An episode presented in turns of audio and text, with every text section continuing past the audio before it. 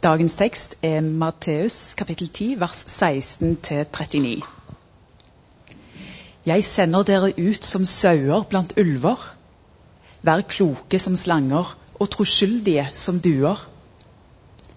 Ta dere i vare for menneskene, for de skal utlevere dere til domstolene og piske dere i synagogene sine. Og for min skyld skal dere føres fram for landshøvdinger og konger og stå som vitner for dem og for folkeslagene. Men når de arresterer dere, skal dere ikke bekymre dere for hvordan dere skal tale, eller hva dere skal si. Det skal bli gitt dere i samme stund hva dere skal si. For det er ikke dere som taler, men det er deres fars ånd som taler gjennom dere. Bror skal sende bror i døden, og en far sitt barn. Og barn skal reise seg mot sine foreldre og volde deres død. Og dere skal hates av alle for mitt navns skyld men den som holder ut til enden, skal bli frelst. Men når det forfølger dere i den ene byen, så flykt til den neste. Sannelig, jeg sier dere, dere skal ikke bli ferdige med byen i Israel før menneskesønnen kommer. En lærling står ikke over sin mester, og en tjener står ikke over sin herre. Det er nok for en lærling at han får det som mesteren, og for en tjener at han får det som herren sin. Har de kalt husherren for Belsebul, kan da husfolket hans vente noe bedre. Vær ikke redde for dem, for ingenting er tildekket som ikke skal bli avdekket, og ingenting skjult som ikke skal bli kjent. Det jeg sier dere i mørket, skal dere tale i lyset. Det dere får hvisket i øret, skal dere rope ut fra takene. Vær ikke redde for dem som dreper kroppen, men ikke kan drepe sjelen. Frykt heller ham som kan ødelegge både sjel og kropp i helvete. Selges ikke to spurver for én skilling, og ikke én av dem faller til jorden uten at deres far er der. Ja, hvert hårstrå dere har på hodet, er talt. Så vær ikke redde, dere er mer verdt enn mange spurver. Vær den som kjennes ved meg for menneskene, skal også jeg kjennes ved for min far i himmelen. Men den som fornekter meg for menneskene, skal også jeg fornekte for min far i himmelen. Tro ikke at jeg er kommet for å bringe fred på jorden. Jeg er ikke kommet for å bringe fred, men sverd. Jeg er kommet for å sette skille. Sønn står mot far, datter mot mor, svigerdatter mot svigermor, og en manns husfolk er hans fiender. Den som elsker far eller mor mer enn meg, er meg ikke verdig. Den som elsker sønn eller datter mer enn meg, er meg ikke verdig. Og den som ikke tar sitt kors opp og følger etter meg, er meg ikke verdig. Den som finner sitt liv, skal miste det. Men den som mister sitt liv for min skyld, skal finne det. Slik lyder Herrens ord. I denne utgaven av uh, The Chosen så legger de til en historie som vi ikke har i Bibelen. Og det gjør de av og til for å understreke noen poenger. Men eh, jeg syns likevel det er spennende å se hvordan de prøver å finne ut i denne episoden hvordan det kan ha vært for disiplene å leve med at spenningen øker rundt Jesus. Kanskje bare noen uker før de kommer til Jerusalem i påsken. Og kanskje var det sånn at eh, Jesus også opplevde å bli kalt inn til forhør før han kom til Jerusalem. At det var det var en del interesse rundt han, også fra myndighetene sin side. Slik det var for Johannes døperen. Og da opplever jeg at de viser veldig menneskelige sider hos disse etterfølgerne til Jesus som jeg kan kjenne meg igjen i. Kanskje ikke vi kan egentlig kjenne oss igjen i hvordan disiplene har kjent det når deres mester blir arrestert, og vi vet at han ble arrestert noen uker senere. Men det er veldig mange kristne i dag som er der. og Derfor så har jeg lyst til at eh, vi ikke skal på en måte bare hoppe bukk over dette temaet som handler om at eh, det er vanskelig å bekjenne en kristen tro i verden i dag. Det er faktisk ingen tid i den kristne historie som har vært mer preget av forfølgelse enn den vi lever akkurat nå. Og Da er egentlig det vi opplever kanskje i Norge, små krusninger sammenlignet med det de gjør mange steder i verden.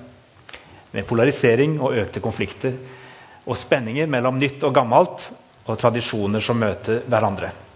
Det ser vi bl.a. i Egypt, som er en gammel, gammel kirke som har opplevd å, å leve med at et, en annen region tok over og ble på en måte en eh, dominerende faktor.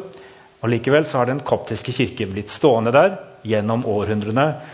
Og Jeg hadde lyst til at vi skulle reflektere litt over det i dag. Det er voldsomme ting vi leser i denne teksten i dag, og jeg, jeg lar den stå der. Mange vil si skal du ikke forklare alle de vanskelige ordene Jesus bruker. Jeg skal ikke forklare alle de i dag. De er der, og de forteller samtidig noe om et budskap som mange mennesker i dag leser fordi livet deres er så tøft og vanskelig. Så leser ikke de dette her som bare harde ord, de leser som bekreftelse på det livet de allerede lever. Og da er dette et nådebudskap, for det sier noe om at Jesus har forutsagt det. At han har planlagt hva som skal skje, og at vi er i hans hender. På ulike deler av Kristi legeme. Så utfordres vi til å stå opp. Og det som er min store smerte og vanskelighet, det er å forstå når vi skal oppsøke strid og stå opp og konfrontere det vi opplever som sant og riktig, og når vi skal bukke hodet og være tålmodige og ikke søke konflikt. Det har jeg ikke svaret. Men Jesus selv indikerer at dette er noe vi kristne må finne ut av underveis. For her sier han at Vær klar over at jeg er ikke kommet for å bringe fred. Jeg er kommet for å bringe strid. Og mennesker vil komme til å stå mot hverandre fordi sannheten både setter fri, men den er også vanskelig å forholde seg til for mange. Og Så sier han senere i Getsemanehagen til Peter at det er feil at du skal trekke sverdet og angripe denne soldaten. Stikk sverdet i slira, for mitt rike er ikke slik. Det går en uh, liten samtale i mediene nå om uh, hvorvidt kristne skal mene at det er rett å forsvare seg med våpen, eller om man skal søke fred for enhver pris. Og Så sier da en, en erfaren, god kristen prest i Norge, Bakkevik, som har vært i mange fredssamtaler rundt om i verden, for det har vært noe av hans virkelighet, så sier han samtidig det er ikke nå vi skal si til ukrainere at de skal bøye hodet og være ydmyke og la volden herje. De må få lov til å forsvare seg. Som kirke, som kristne, som ledere, så skal jeg aldri løfte våpen. Og Det er viktig å si at det er en forskjell i det å være kirke og lederskap som kirke og det å være en samfunnsmyndighet i disse dager. I Egypt så finnes det da en biskop. Vi har mange flotte biskoper i Norge. Men I Egypt så finnes det en biskop som representerer kirkesamfunn som, eh, som kan virke fremmedartet for oss. Det koptiske eller ortodokse kirke. Men de har vært der i mange århundrer. Og en av disse stemmene er da biskop Thomas. Og selv om jeg har stor respekt for mange av våre biskoper, eller våre biskoper, så er jeg glad for at de også har stemmer som han i tillegg. Som jeg kan regne som åndelig autoritet. Vi får lov til å støtte det arbeidet som han gjør i ørkenen ute i Egypt med Anafora, som er et bønnested, bønnesenter, men også et aktivistsenter for å bygge opp ungdommer og barn og kvinner, gi dem utdannelse og gi dem nye muligheter. Der kombineres bønn og arbeid på en veldig sterk måte. og Jeg hadde lyst til å være i samtale med han i dag. fordi eh, Jeg har gjort, lest noe fra denne boka tidligere, men jeg skal gjøre det litt i dag. Eivind Skeie har samlet fra samtalene sine med biskop Thomas har han samlet en del flotte visdomsord og tanker som han gjør seg om det å være leder i Egypt. Og jeg tror dette her kommer fra et sted som vi trenger å lytte til. Så må vi gjøre den overføringen til vår tid. Hva handler dette om for meg og oss? Jeg synes Det er spennende å sånn også være i kontakt med den kirken som vi støtter, og det arbeidet som vi støtter på Anafora. Den kristne befolkningen i Egypt lever under stort press. Og Biskop Thomas er en viktig stemme, ikke bare i Egypt, men for kristne i hele Midtøsten. Det er altså i ørkenen mellom Kairo og Alexandria at biskop Thomas har bygget Anafora, som er et senter for åndelig liv og menneskelig fellesskap. Hit kommer mennesker både fra Egypt og resten av verden for å søke inspirasjon, fordypelse og fornyelse. En viktig del av erfaringen på Anafora det er å lytte til biskop Thomas. Ikke fordi han står nærmere Gud enn andre, men fordi han er en klok mann. I arbeidet med boka 'I kjærlighetens sirkel' så hadde forfatteren da Eivind Skeie lange samtaler. Her er noen av de kloke ordene hans. Han er ydmyk, og samtidig er han prinsippfast på det som er veldig viktig for ham. Og jeg tror han klarer å balansere dette på en spennende måte. Fordi han har valgt å ikke konfrontere så hardt at han er nødt til å flykte. Og det er noe av virkeligheten. Noen skal si ting på en sånn måte at de kanskje må dø for, sin, for denne saken, eller flykte. Og det skal noen gjøre. De skal stå i kampen på en sånn måte at de kanskje blir nødt til å flykte landet. Biskop Thomas har valgt å stå i kirken og være en leder som bygger. og Da snakker han på en sånn måte at han kan fortsette å være der. Det er ikke dere som taler, sier Jesus, men det er deres fars ånd som taler gjennom dere. Det er jo ikke så alltid så lett å skjelne åndens stemme blant alle de menneskelige. Men eh, jeg tror han representerer en åndens stemme. Hva sier biskop Thomas om eksempelets makt? Vi inviterer mennesker fra hele verden til å komme til Anafora. I respekt for dem som kommer, våger vi å si 'kom til oss og se hvordan vi lever'. Del dette livet med oss og bli inspirert av vårt eksempel. Vårt egyptiske samfunn er preget av århundrelange patriarkalske tradisjoner. Vi har langt frem før vi har utviklet et velfungerende demokrati. Likevel mener vi at miljøet her på Anafora har elementer som kan være inspirerende for andre. Det grunnleggende er vår økumeniske, felleskirkelige åpenhet. Med dype røtter i vår egen åndelighet åpner vi oss mot andre. Med våre holdninger og vår praksis fremmer vi likestilling mellom kjønnene. Her blir kvinner sett og hørt. De har lederoppgaver på lik linje med menn. Dette er ikke vanlig i alle deler av det egyptiske samfunnet. Vi åpner opp for meningsbrytning, diskusjon og dialog. Vi hilser dette velkommen fordi det representerer viktige demokratiske verdier. Vi gjør alt dette i en uformell atmosfære for at de som er her, skal føle seg frie og kunne vokse i sin egen takt. For oss er dette mer enn et sosialt program. Det er del av en større visjon av Kristus. Det er stor forskjell på hvordan kristendommen er blitt bevart i øst og vest. For dere i Europa ble den kristne tro bevart for hele samfunnet, i hvert fall frem til den tiden vi nå lever i. For oss i Egypt og i andre deler av den ortodokse verden var troen noe vi måtte kjempe for. Vi kom under press. Dette preget vårt trosuttrykk. Tiden kan være moden til at vi kan lære av hverandres erfaringer. Ofte syns vi ortodokse at kristne i vest går altfor fort fram. Det betyr ikke at vi ikke liker åpenheten deres. Men vi vil gjerne be dere om å stanse opp litt og bruke mer tid på viktige avgjørelser og endringer. Det har dere ikke noe å tape på. Sett i et østlig perspektiv vil en slik langsomhet også gjøre troen deres friskere, fordi dere ville være mer i kontakt med deres egne røtter. Dere i vest har også noe å si til oss i den østlige verden. Dere kan noen ganger oppleve at vår bundethet til tradisjon gjør oss rigide og lite åpne for nye ideer og verden utenfor. Be oss gjerne om å åpne opp. Vi kan trenge å forstå at det ikke er farlig å åpne seg. Det er godt å kunne møtes på uformelle måter og nærme seg hverandre gjennom samtaler og gode råd. Vi må hjelpe hverandre frem til større stolthet i vårt eget og høyere mestring av de felles utfordringene som møter kristenheten i dag. Her snakker biskop Thomas om vår felleskirkelige tradisjon. Sist gang så sa jeg noe om begrepet tradisjonelle verdier, fordi det er et ord som er blitt misbrukt i en annen del av den ortodokse kirke i det siste. De snakker om trusselen fra Vesten, og de skal beskytte sine tradisjonelle verdier. Men så bryter de med noen av de andre viktigste verdiene i det å være kristen for å beskytte noe annet. Og Da ser vi hvor galt det kan gå. Men jeg hadde lyst til å vise dere her at uh, det fins også en annen stemme som kanskje befinner seg midt mellom Vesten og Østen. At vi ikke skal være så raske til å si at vi har skjønt alt. Det finnes også ortodokse stemmer som har noe å tale til oss i vår tid. Jesus sa, 'Tro ikke at jeg er kommet for å bringe fred på jorden.' 'Jeg er ikke kommet for å bringe fred, men sverd.' 'Den som finner sitt liv, skal miste det.' 'Men den som mister sitt liv for min skyld, skal finne det.' Hva mener Jesus? Bare noen uker senere så gjorde han altså til skamme disse ordene om at han skulle ikke svare, sier han til Peter. Jeg tror det ligger en liten nøkkel i den første setningen der han sier at vi er sendt som sauer blant ulver. Vi skal være kloke som slanger og troskyldige som duer.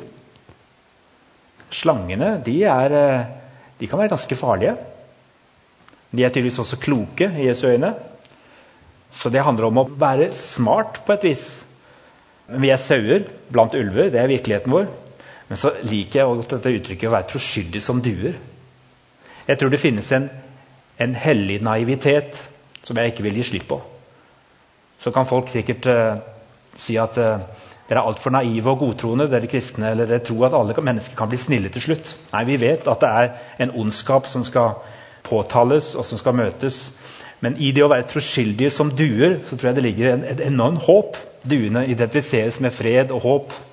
Den troskyldigheten har vi fordi vi vet noe om hvilken kraft som ligger i evangeliet. Og vi tenker det er alltid mulig å se forandring. Vi gir ikke opp mennesker. Vi tror alltid at det finnes gull, og at uh, Guds nåde kan virke i alt og i alle. Og dette lever også denne mannen. Og Derfor så sier han, og det er vanskelige ord, men han sier Helt fra vi selv var unge, har dette ordet vært plantet i våre liv. Se alltid ditt medmenneske i kjærlighetens sirkel. Elsk din fiende. Gjør godt mot andre. Be med Jesu ord på korset om Guds tilgivelse for dine fiender. Ta imot motstanden som møter deg, i troens perspektiv. Bær ikke på tanker om hevn, og gi ikke bitterheten rom. Be heller Gud om å opplyse dem som nå er dine fiender, Forvandling er alltid mulig. En dag vil dine motstandere kunne bli dine beste støtter. Tro at hjerter kan åpne seg. Ser for deg at du en gang skal glede deg i himmelen sammen med dem som akkurat i dag motarbeider deg og stenger veien. Mist ikke håpet for en eneste person. Tenk heller at alle vil komme til sannhetserkjennelse. Og vi husker Jesu ord om at alt som er skjult, skal komme fram i lyset. Tenk heller at alle vil komme til sannhetserkjennelse. Vær beredt til å tilgi og se bort fra onde handlinger. Om du ofrer alt for Kristus, vil han belønne deg med evnen til å elske din fiende og tilgi den urett som rammer deg hardt. Ja. Hold fast ved håpet, for håpet gjør deg avhengig av Gud. Fyll ditt hjerte med tro, håp og kjærlighet, for slik vokser den kristne kirke i Egypt og over hele verden. Driv frykten ut med kjærlighetens kraft. Jeg tror ikke vi skal høre disse ordene som eh, et bud og noe som skal trykke oss ned. For vi er på forskjellige steder i forhold til dette med å møte motstand og ondskap og urett. Men det ligger en kraft i det han sier, som jeg tenker vi alltid skal ha med oss. Uansett hvor vanskelig livet er blitt, og hvor umulig situasjonen ser ut. Enten det dreier seg om vårt eget personlige liv, familieliv, jobb, eller det er de store politiske omstendighetene. Jeg lar det være med det. Les gjerne mange av de kloke tankene til biskop Thomas. Han er også bare et menneske, men han har en del og en stemme som jeg syns er viktig å lytte til i vår tid. Skal vi be. Kjære himmelske Far. Du ba disiplene Jesus om å be enkle ord og be regelmessig. Du lærte dem 'vår far' og be til deg som vår far. Og i den bønnen så finner vi også alt det vi trenger, både å ta imot og gi videre. Og vi trenger en, et realistisk språk når vi snakker med deg, som beskriver livet sånn som det er, og ikke bare sånn som det skulle vært og burde vært. Møt oss i bønn og hjelp oss til å ta tid nok i krevende tider og i gode tider til å stanse opp lenge nok til å høre hva du vil at vi skal gjøre. Sånn Jesus minte disiplene om. Å lytte og be og ikke rushe inn i store, vanskelige avgjørelser, men, å, men også handle når det er nødvendig. Hjelp oss der vi er. Møt oss der vi er. Takk for at du møter oss med nåde, uansett hva vi klarer å respondere på av disse ordene her og nå. Og takk for at vi ikke er aleine om å leve ut dette håpsbudskapet, men at vi står sammen med andre både i i å kjempe for rettferdighet og i å søke forsoning. Og i å forberede oss både på det gode og det vonde, og holde ut helt til enden, sånn som Jesus sa. Hjelp oss til å nå mennesker med det beste vi har i evangeliet, og at de skal få legge til side det ved oss og fra oss som ikke kommer fra deg, og som de ikke har bruk for. Hjelp oss til å tale sannheten klart og tydelig, fylt av nåden og i kjærlighetens sirkel. Amen.